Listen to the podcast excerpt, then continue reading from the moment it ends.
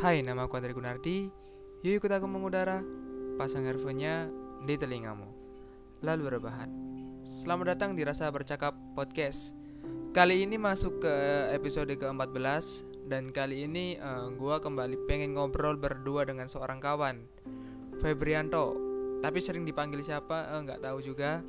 Aku tapi sering manggilnya Anto. Di episode ke-14 ini, gua ingin bertanya ke Febrianto tentang sudut pandangnya tentang fase setelah putus.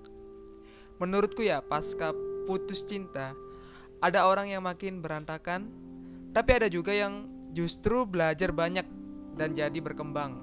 Ada yang terpuruk hancur, tapi ada juga yang e, melihatnya sebagai sebuah awalan lembaran baru. Semua itu tergantung e, cara merespon kita masing-masing. Nah, buat yang dengerin, kamu yang mana? Nah, tapi sebelum kita membahas jauh tentang setelah kita putus, mungkin kalian bisa dengerin dulu nih episode ke-12 dan 13 dengan temanku Muhammad Ulum dan Sekar. Mungkin yang belum sempat denger obrolanku bisa kalian dengerin dulu. Halo Febrianto, kita ketemu lagi nih. Lama nggak ketemu ya. Gimana? Apa kabar? Halo Mas Kun, alhamdulillah kabarnya baik. Mas Kun sendiri gimana kabarnya? Kalau aku juga baik, Anto. Nah, lagi sibuk apa nih dan lagi ngerjain hal apa sekarang, Mas Anto? Sibuknya sih mungkin sibuk kerja, terus sambil nongkrong-nongkrong. Sama sibuk quality time sama pacar aja gitu. Oke oke, berarti masih aman kan sama pacarnya? Masih masih, alhamdulillah. Oke oke, oke kita langsung masuk aja ke pembahasan yang mau kita obrolin ya. Menurut menurut seorang Febrianto, apa definisi putus? Kalau menurut aku sih kalau putus itu lebih ke sudah tidak mempunyai hubungan. Jadi kayak kayak putus cinta berarti kayak hubungannya ya udah nggak ada udah selesai gitu sih berarti udah selesai semuanya ya bahkan kita udah uh, bahkan uh, gini ya beberapa orang itu emang setelah putus itu memang udah lost kontak bener-bener lost kontak dan apa pun perpisahannya itu pasti bakal menyakitkan entah itu berpisah dengan baik-baik ataupun secara buruk itu pasti uh, akan meninggalkan sakit di antara salah satu pihak. Nah, menurut Febrianto, faktor apa aja sih yang bikin hubungan itu bisa putus? Sebenarnya sih banyak ya faktor yang bikin hubungan bisa putus itu. Tapi lebih tepatnya faktor utama itu karena kurang rasa cukupnya kita sama pasangan kita gitu sih. Jadi kayak kekurangan dari pasangan malah bukannya kita melengkapi malah menjadi masalah gitu dalam hubungan. Berarti kurang bersyukur ya kalau kita udah punya uh, cewek atau cowok gitu ya iya ras lebih baik sih bersyukur dijalani gimana baiknya aja sih iya iya iya. Tapi uh, emang ya kalau kita putus itu ada fase kayak nggak sapa-sapaan terus lost kontak lah pokoknya. Gimana? Bener banget sih. Emang karena ya itu tadi awal putus karena yang yang namanya putus itu pasti karena ada masalah. Dan setelah masalah selesai dan hubungannya juga selesai tiba-tiba kayak jadi orang asing langsung nggak sapa-sapaan dan langsung tiba-tiba harus kontak gitu aja sih padahal awalnya yang saling perhatian saling care tiba-tiba langsung menghilang gitu aja waduh itu itu yang bahaya ya itu ya karena emang sering lost kontak itu uh, kayak udah uh, jadi makanan sehari-hari bagi seseorang yang udah putus udah selesai gitu hubungannya. Nah, menurutmu seorang Febrianto, apakah iya ada putus yang secara baik-baik nih? Ada nggak? Jujur sih sebenarnya emang gak akan ada sih namanya putus baik-baik aja. Karena yang putus itu karena ada masalah internal dalam hubungan.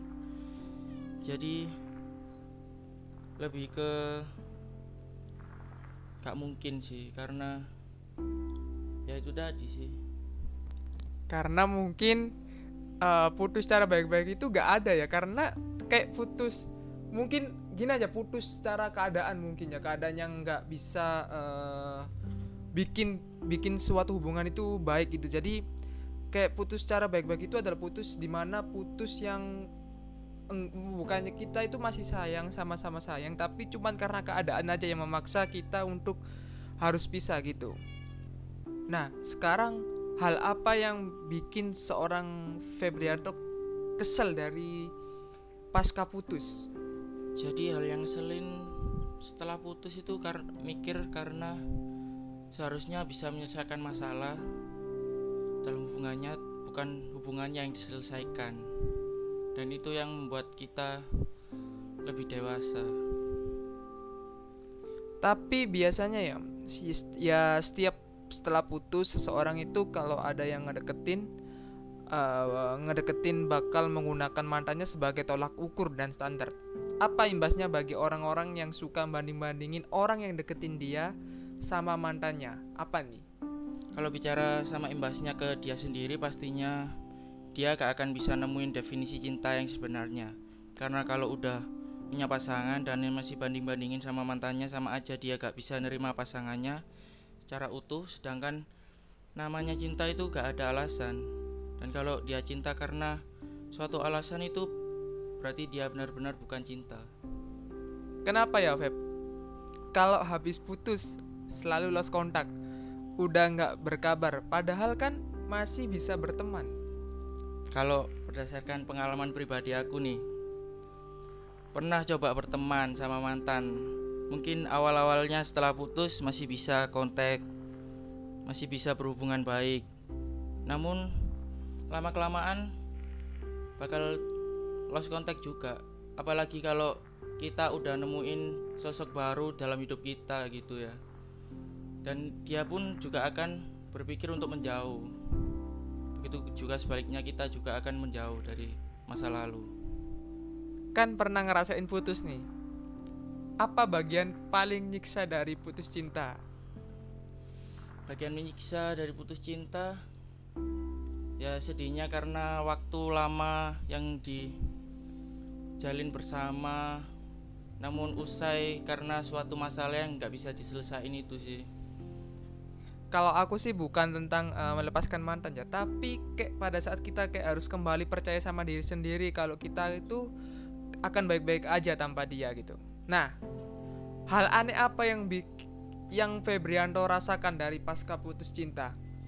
Hal hal, hal anehnya sih untuk awal-awal putus mungkin terasa be bedanya dari yang biasanya kita bangun langsung ada notif masuk terus hal-hal kecil yang biasa dilakukan bareng itu jadi kenangan yang mungkin sering keinget gitu sih di awal-awal putus. Iya ya iya. Kalau aku sih itu ke lebih ke adaptasinya lagi sih. Kayak adaptasi kalau oh sekarang gua sendiri lagi ini.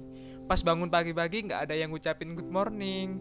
Pas ke mana-mana juga nggak ada yang harus uh, gua kabarin. Eh yang gua di sini ya gitu.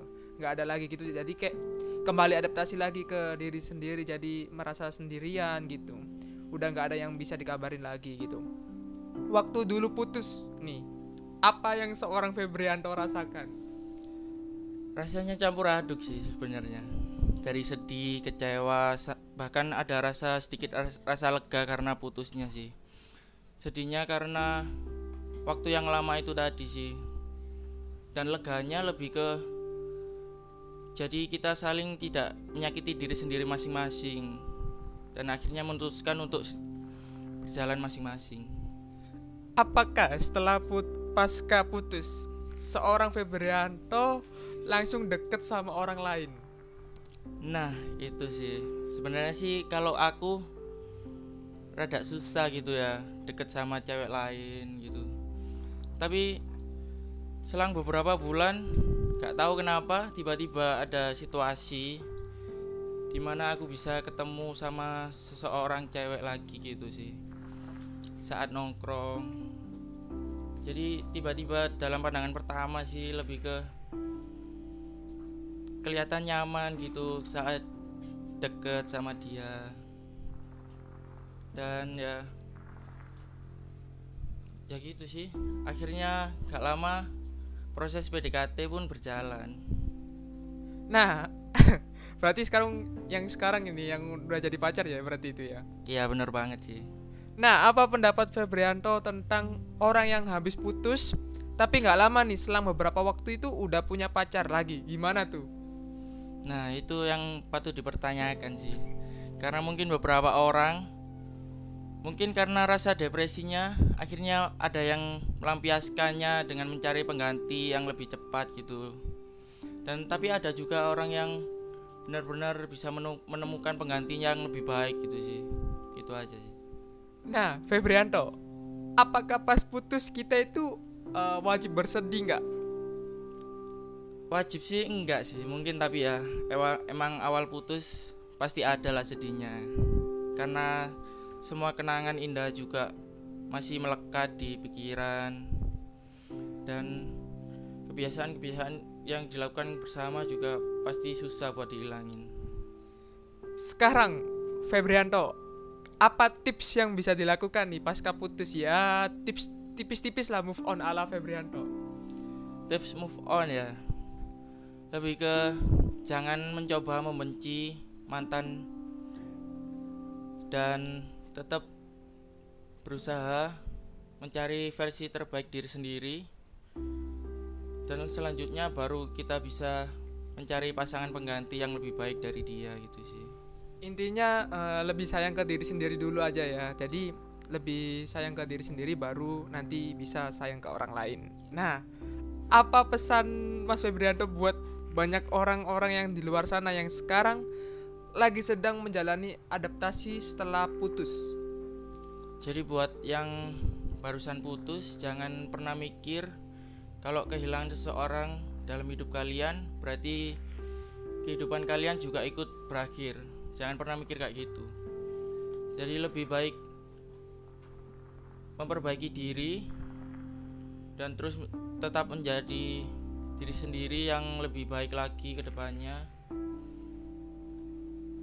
Nah, makasih ya Mas Febri udah mau ngobrol dan berbagi pendapatnya tentang setelah putus. Kesimpulan yang dapat bisa diambil dari obrol kali ini adalah setelah putus, uh, jujur uh, gua jadi uh, kayak terbiasa gitu ngucapin kata-kata semangat ke diri sendiri. Bener-bener ngucapin semangat ke diri sendiri gitu.